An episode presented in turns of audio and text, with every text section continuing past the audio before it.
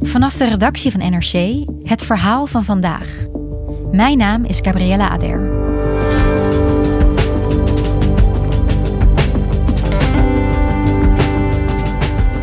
Drie dagen geleden behaalde Fratelli d'Italia een zege tijdens de Italiaanse verkiezingen. Een partij die als radicaal rechts wordt gezien. Zal partijleider Giorgia Meloni de radicale standpunten van de partij ook echt gaan uitvoeren? Italië-correspondent Ine Rooks denkt dat het zo'n vaart niet zal lopen.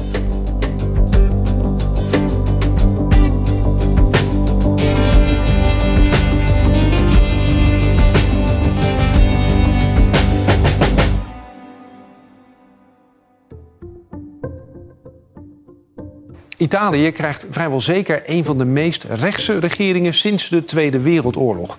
Met voor het eerst in de geschiedenis een vrouwelijke premier, Giorgia Meloni. Noi dovremo ricordarci che non siamo a un punto d'arrivo. Noi siamo a un punto di partenza. È da domani che noi dobbiamo dimostrare il nostro valore. De radicaal-rechtse partij Fratelli d'Italia oftewel Broeders van Italië, kreeg de meeste stemmen bij de verkiezingen en dus zijn zij aan zet. d'Italia. Viva viva!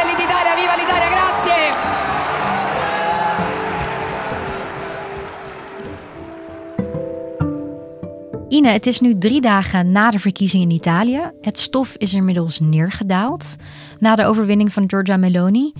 Hoe kijken de Italianen er nu naar? Wat, wat zijn de reacties? Ja, dat uh, hangt er heel erg van af met wie je praat natuurlijk. Hè. Zoals het verkiezingsresultaat heeft aangetoond, is een flink stuk van dit land, of toch alleszins de mensen die zondag zijn gaan, gaan kiezen, centrumrechts en rechtsgezind. Maar dat is lang niet de hele bevolking. Er was uh, een heel groot deel van de Italianen dat helemaal niet is gaan stemmen. Uh, en, en dus je hoort heel uiteenlopende reacties. Op verkiezingsdag zelf sprak ik met veel mensen die van plan waren met, voor Giorgia Meloni te gaan stemmen, maar ook mensen die zeiden we, houden, we wachten met een bang hartje af. Dus grote verdeeldheid. het stof is nog aan het neerdalen, denk ik. Een nieuwe regering nog worden gevormd. Er zijn mensen die spreken van verzet, zware oppositie. Er zijn ook mensen die heel blij zijn en uh, zeggen dat ze nu eindelijk krijgen wat ze, wat ze, hadden, wat ze hadden gewild. Wat gaat uh, Giorgia Meloni nu doen de aankomende weken? Het gaat nog verschillende weken duren voordat er een regering is gevormd. Giorgia Meloni met haar postfascistisch, radicaal rechts uh, Broeders van Italië steekt er met kop en schouders bovenuit. Dus uh, ligt het voor de hand dat zij het initiatief krijgt van een nieuwe regering. En daarna kan de regering en de regeringsploeg, waarvoor nu dan de namen zullen worden gezocht, kunnen worden gevormd. Dus het gaat nog even duren tot een stuk in oktober voordat we echt weten wie waar post zal vatten en hoe het er echt allemaal uit zal gaan zien. En is er eigenlijk enig twijfel over of Meloni uh, premier wordt? Twijfel is er altijd totdat we iets zeker weten. Maar als je kijkt nogmaals naar het resultaat, naar het feit dat dit een coalitie was die al voor de verkiezingen is gevormd, dus een soort rechtsblok, een alliantie, met de onderlinge afspraak dat de grootste partij ook de premier zou mogen leveren of kiezen, ja, dan ligt de bal duidelijk wel in haar kamp. Heb jij het gevoel dat die verkiezingsuitslag ook voor onderlinge spanningen in het rechtse blok zorgt? Oh ja, je hebt daar niet alleen Giorgia Meloni in zitten van dat postfascistische uh, Broeders van Italië, maar ook oude vos uh, Silvio Berlusconi, die deze week 86 wordt en al vier regeringen heeft geleid. Zijn Forza Italia zit er ook in. En uh, Matteo Salvini. Dat zijn behoorlijk wat ego's bij elkaar, die ook andere dingen willen op politiek vlak. Dus die uh, belangen lopen niet altijd helemaal gelijk. En dus dat wordt verwacht dat het inderdaad wel flink wat spanningen zal opleveren. Die machtsverhoudingen binnen dat rechtse blok zijn eigenlijk totaal anders dan ze een paar jaar geleden waren. Dus nu steekt Fratelli d'Italia, Van Italië, van Giorgia Meloni er met kop en schouders bovenuit. 26 procent. Dus dat is al een heel flink stuk van die coalitie. En ter vergelijking, de Lega van Matteo Salvini duikt onder de 9%. Daardoor staat Matteo Salvini in zijn eigen partij flink onder druk. En Forza Italia van Berlusconi um, heeft iets meer dan 8%. Dus je ziet dat zijn grote verschillen. 9, 8% tegenover 26 voor Giorgia Meloni. Dat is een flink geschenk voor haar. Ze moet oppassen natuurlijk en uitkijken dat het geen vergiftigd geschenk wordt. Want ze heeft die twee anderen wel nodig. Dus tijd om heel triomfantelijk te gaan feestvieren, die is er ook niet echt. Dat doet ze best ook niet.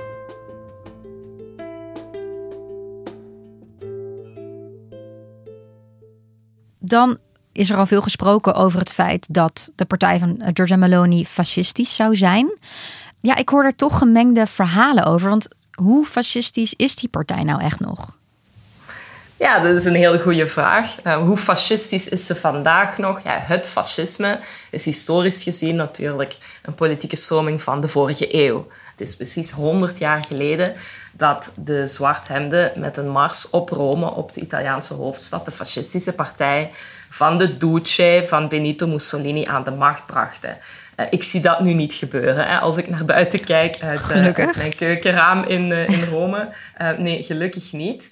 Maar um, is de partij van Giorgia Meloni een partij met uh, wortels in, in die beweging of in de naoorlogse neofascistische beweging? Dat is ontegensprekelijk wel waar. Maar wat zegt dat dan nu nog concreet? Ik bedoel, waar merk je dat nog aan? Wel, je ziet het uh, aan uh, verschillende dingen. Uh, eerst en vooral is er veel dubbelzinnigheid in taal en in symboliek. Eerst beginnen met de symboliek misschien. In de partijvlag van Fratelli d'Italia, van uh, Giorgia Meloni's Broeders van Italië, uh, staat heel prominent een vlam in de driekleur van Italië, groen, wit, rood. Het is een uh, directe verwijzing naar de oude MSI, de neofascistische beweging, die dezelfde vlam had in het partijlogo. En die vlam is nog altijd een sterk symbool van uiterst rechts, in, ook in andere Europese landen, in Frankrijk bijvoorbeeld. Het tweede is er heel veel ambiguïteit, bijvoorbeeld Giorgia Meloni zelf heeft jarenlang herhaald dat er een soort vervanging aan de gang zou zijn. De vervangingstheorie, dat is een samenzweringstheorie, waarbij eh, mensen vooral uit het uiterst rechtse kamp eh, beweren dat immigranten naar voorheen voornamelijk witte landen worden gestuurd om de oorspronkelijke bevolking te vervangen. In haar verkiezingstoespraak heeft ze bijvoorbeeld gedaan, ik, ik, ik was erbij in Milaan toen ze het weer zei. Il che cosa significa? Significa che l'immigrazione illegale di massa è soprattutto uno strumento nelle mani dei grandi poteri economici e finanziari. Namelijk, ik geloof niet dat we dit land kunnen bevolken of dat we de dalende geboortecijfers kunnen aanpakken door, hou je vast, al die migranten zomaar binnen te laten. Non penso che il problema della denatalità si possa risolvere facendo entrare gli immigrati, come dice la sinistra.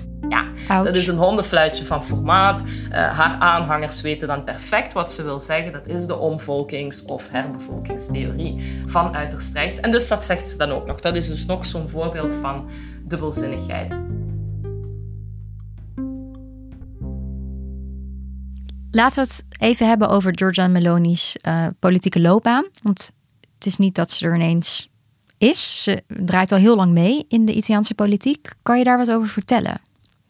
Ja, dat is helemaal waar. Ze is 45, geboren toch in Rome, maar al uh, 30 jaar politiek actief. Natuurlijk kan je niet vanaf je 15e een politiek mandaat krijgen en ben je nog heel erg uh, minderjarig. Maar toen sloot ze zich wel al aan bij een uh, politieke jeugdbeweging van de uh, al eerder gemelde neofascistische MSI, van die Italiaanse sociale beweging. Daar heeft ze ook haar politieke vorming gekregen. Ze woonde toen met haar moeder en haar zus samen. Haar vader had het gezin in de steek gelaten toen uh, Georgia en haar zus Ariana nog heel jong waren. In dat eenoudergezin was er te weinig geld om verder te studeren, hoewel uh, ik me heb laten vertellen door haar entourage, Georgia Meloni briljant was op school, heel goede cijfers haalde, heel goede resultaten, maar het zat er niet in om economische redenen um, om verder te gaan studeren. En ze heeft dus haar politieke vorming wel degelijk helemaal gekregen bij die partij. Dat was toen zo. Bij die jeugdafdelingen werd uh, heel veel gedebatteerd, heel veel gestudeerd. En dus is eigenlijk gepokt en gemazeld toen al aan die Italiaanse rechterzijde. Ze is heel jong in de Italiaanse Tweede Kamer gestapt, was ze 29. En twee jaar later was ze minister van Jeugd in een van de regeringen, Berlusconi. Ja, dus ze gaat al even mee. Je noemt Berlusconi, waarmee Meloni waarschijnlijk ook nu een regering gaat vormen. Wat is de relatie tussen hun partijen? Ja, dat is heel uh, interessant, want uh, je krijgt inderdaad nu vaak de opmerking van ja, waar komt ze dan vandaan? En ook waar komen ineens die postfascisten vandaan? Dat is inderdaad een vraag die je vooral buiten Italië en veel minder uh, binnen Italië hoort, want die zijn er al wel heel lang. En eigenlijk heeft Silvio Berlusconi als viervoudige voormalige premier van Italië best wel wat te maken gehad met uh, die postfascisten mainstream te maken in Italië. Hij was de man die al in 1994 een eerste regering vormde met de voorloper van Giorgia Meloni's Broeders van Italië erin. En ze hebben altijd samen bestuurd. Giorgia Meloni was daartegen, tegen die verregaande samenwerking en vond dat rechts zo helemaal opging in dat meer uh, gematigd liberale Forza Italia van Berlusconi. En dat is de reden geweest waarom ze een eigen nieuwe partij heeft gesticht tien jaar geleden. En dat is dus Broeders van Italië, dat weer een veel duidelijkere ruk naar radicaal rechts maakt. We hebben nu heel veel gehoord over Giorgia Meloni hè, en over haar partij. Maar wat kunnen we nou eigenlijk echt concreet van haar verwachten als ze gaat regeren? Ja, een heel goede vraag. Ze heeft nu zelf nu het stof een beetje is gaan liggen, gezegd dat ze ernst wil. Ernst en fatsoen. Ze zegt dat ze het klimaat van burgeroorlog tussen grote aanhalingstekens dat tijdens de verkiezingscampagne heeft geregeerd, dat ze daar afscheid van wil nemen. Eh, se saremo chiamati a governare questa nazione, lo faremo per tutti. Lo faremo per tutti gli italiani, lo faremo con l'obiettivo di unire questo popolo. De toon valt meteen op. Ze is zakelijk, bezorgd. De situatie in het land is niet goed. Italië kreunt onder hoge energieprijzen. Daar zal ze meteen onder flinke druk staan van oppositie om iets tegen die hoge energieprijzen te doen. Kortom, het financieel-economische dringt zich op als absolute topprioriteit voor dit land. En daar gaat ze aan moeten gaan staan. Ze kan dit niet uit de weg gaan. Mm, vermoedelijk zal ze op financiën en op economie een technocraat gaan benoemen. Iemand met kunde en met kennis van zaken. Dus dat zijn signalen die voorzichtig optimistisch kunnen stemmen over hoe ernstig ze de financiële-economische situatie neemt. Ze moet ook, ze wordt ook gedwongen, want Italië zit als derde economie in de eurozone flink ingekapseld in dat Europese systeem. Dus dat gaat ze niet op een andere manier kunnen. Ophef en Ongeruste gevoelens zijn er zeker uh, in zaken haar standpunten op sociaal vlak. Uh, ze denken bij Fratelli d'Italia heel conservatief over abortus, over euthanasie, over LHBTI-rechten. Gaat ze echt de klok terugdraaien, zoals tijdens deze campagne wel eens werd gevreesd? Ja, de verwachting is niet dat dat een prioriteit zal zijn op de heel korte termijn. Niet alleen omdat het financieel-economische zo veel dringender is, maar ook omdat ze weet dat heel veel Italianen niet zijn gaan stemmen zondag. En dat ze dus helemaal niet kan rekenen op een heel brede uh, meerderheid voor dat soort standpunten bij het Italiaanse volk. Wat zou kunnen gebeuren is, als ze bijvoorbeeld zou zeggen we gaan aan de abortuswet morrelen, ja, dan kan um, de vrouwenbeweging uh, de pleinen van Italië heel snel laten vollopen misschien. En dan krijg je een ketenreactie tegen haar nieuwe bestuur, wat ze nu waarschijnlijk niet in dit stadium zou kunnen overleven. Ine, je noemde al de energieprijzen. Dat heeft natuurlijk alles te maken met de oorlog in Oekraïne. Um, welke standpunten heeft Meloni ten opzichte van het internationale politiek? Italië was lange tijd erg afhankelijk van Russisch gas. Uh, Mario Draghi, die nu nog premier is, heeft uh, daar radicale aanpassingen in gedaan en heeft met andere landen gasdeals afgesloten om van die Russische afhankelijkheid af te geraken. En Giorgia Meloni heeft vanuit de oppositie uh, daarvoor gestemd en dat niet uh, getorpedeerd, dus niet gaan dwarsliggen. En uh, is ook heel kritisch voor Moskou, heel kritisch tegen Poetin. Opvallend is wel dat haar bondgenoten, dat, ja, we weten dat Berlusconi en Salvini er wel een beetje een ander standpunt op nahouden. Salvini bijvoorbeeld zei een paar jaar geleden nog dat hij Poetin respecteert en bewondert.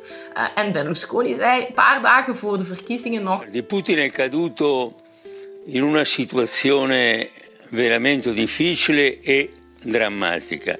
Dat Poetin misschien wel heel zwaar onder druk was gezet om in Kiev, hou je vast, een regering van uh, fatsoenlijke mensen te installeren. Per cui le truppe russe dovevano entrare in una settimana raggiungere Kiev, sostituire con un governo di persone per bene eh, il governo di Zelensky e un'altra settimana ritornare indietro. Dus dat zijn allemaal dingen die wel veel meer de wenkbrauwen doen fronsen.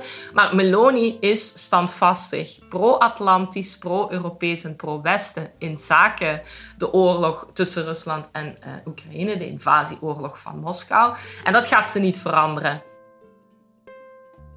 Op dat vlak maakt de internationale gemeenschap zich dus niet zoveel zorgen op het financieel-economische ook niet meteen, omdat Italië ook de hoofdbegunstigde is van Next Generation EU. Dat is het uh, post-corona-pandemie heropbouwfonds van de Europese Unie. Zoals je weet is Italië een van uh, de zwaarst getroffen landen op menselijk vlak. Een heel hoge dodentol door uh, COVID. En uh, ook op, op economisch vlak. Ja, Meloni gaat daar naar verwachting geen gekke dingen doen. Ze weet dat de Italiaanse economie die financiële zuurstof uit Next Generation EU gewoon veel te hard nodig heeft. Ze krijgen echt een miljarden, hè? Ze krijgen echt miljarden, ja. Um, ze krijgen niet alleen heel veel subsidies, maar ze hebben ook heel flink geleend. En het gaat over de 200 miljard euro ja, de komende jaren. Dat is uh, natuurlijk iets waar je geen nee tegen gaat zeggen. Ze heeft wel wat wenkbrauwen doen fronsen tijdens de campagne door te zeggen dat ze de voorwaarden, de condities van Next Generation EU wil heronderhandelen. Ja, gaan we wel kijken uh, hoe heet die soep gegeten zal worden. Want ja, ik weet niet hoe het met jou zit, maar als je een krediet met een bank afsluit en je bent de ontvanger, dan heb je zelf achteraf niet veel meer uh, te zeggen of veel in de pap te brokken. Dus Meloni is de ontvanger. Ja, ze gaat niet heel erg die voorwaarden kunnen bijstellen en dat weet ze zelf ook wel. Ja, Ine, er was vooraf toch al wat angst binnen de internationale gemeenschap. Maar nu lijkt het erop dat de soep toch niet zo heet gegeten wordt, hè? Zoals jij al zei. Wel, ze zit nu in haar witte broodsweken. Uh, uiteindelijk gaat het dan even afwachten worden. Hè. Die eerste witte broodsweken, eens die voorbij zijn er, en, er, en er breekt een echt grote crisis aan, en dat komt dan op haar bord, dan zullen we moeten gaan zien hoe heet de soep nog is. En of ze dan bijvoorbeeld uh, in staat zal zijn of politiek zal willen om heel uh, onpopulaire maatregelen door te voeren in Italië. Of dan wel zal gaan roepen dat de soevereiniteit van Italië in het gedrang komt en dat Europa, de Italiaanse natie, allerlei allerlei regeltjes gaat opleggen. Dan gaan we zien hoe radicaal ze echt is en hoe ze haar land zo'n uh, echte zware crisis zal laten overleven. Ja, Ine, dankjewel. Graag gedaan.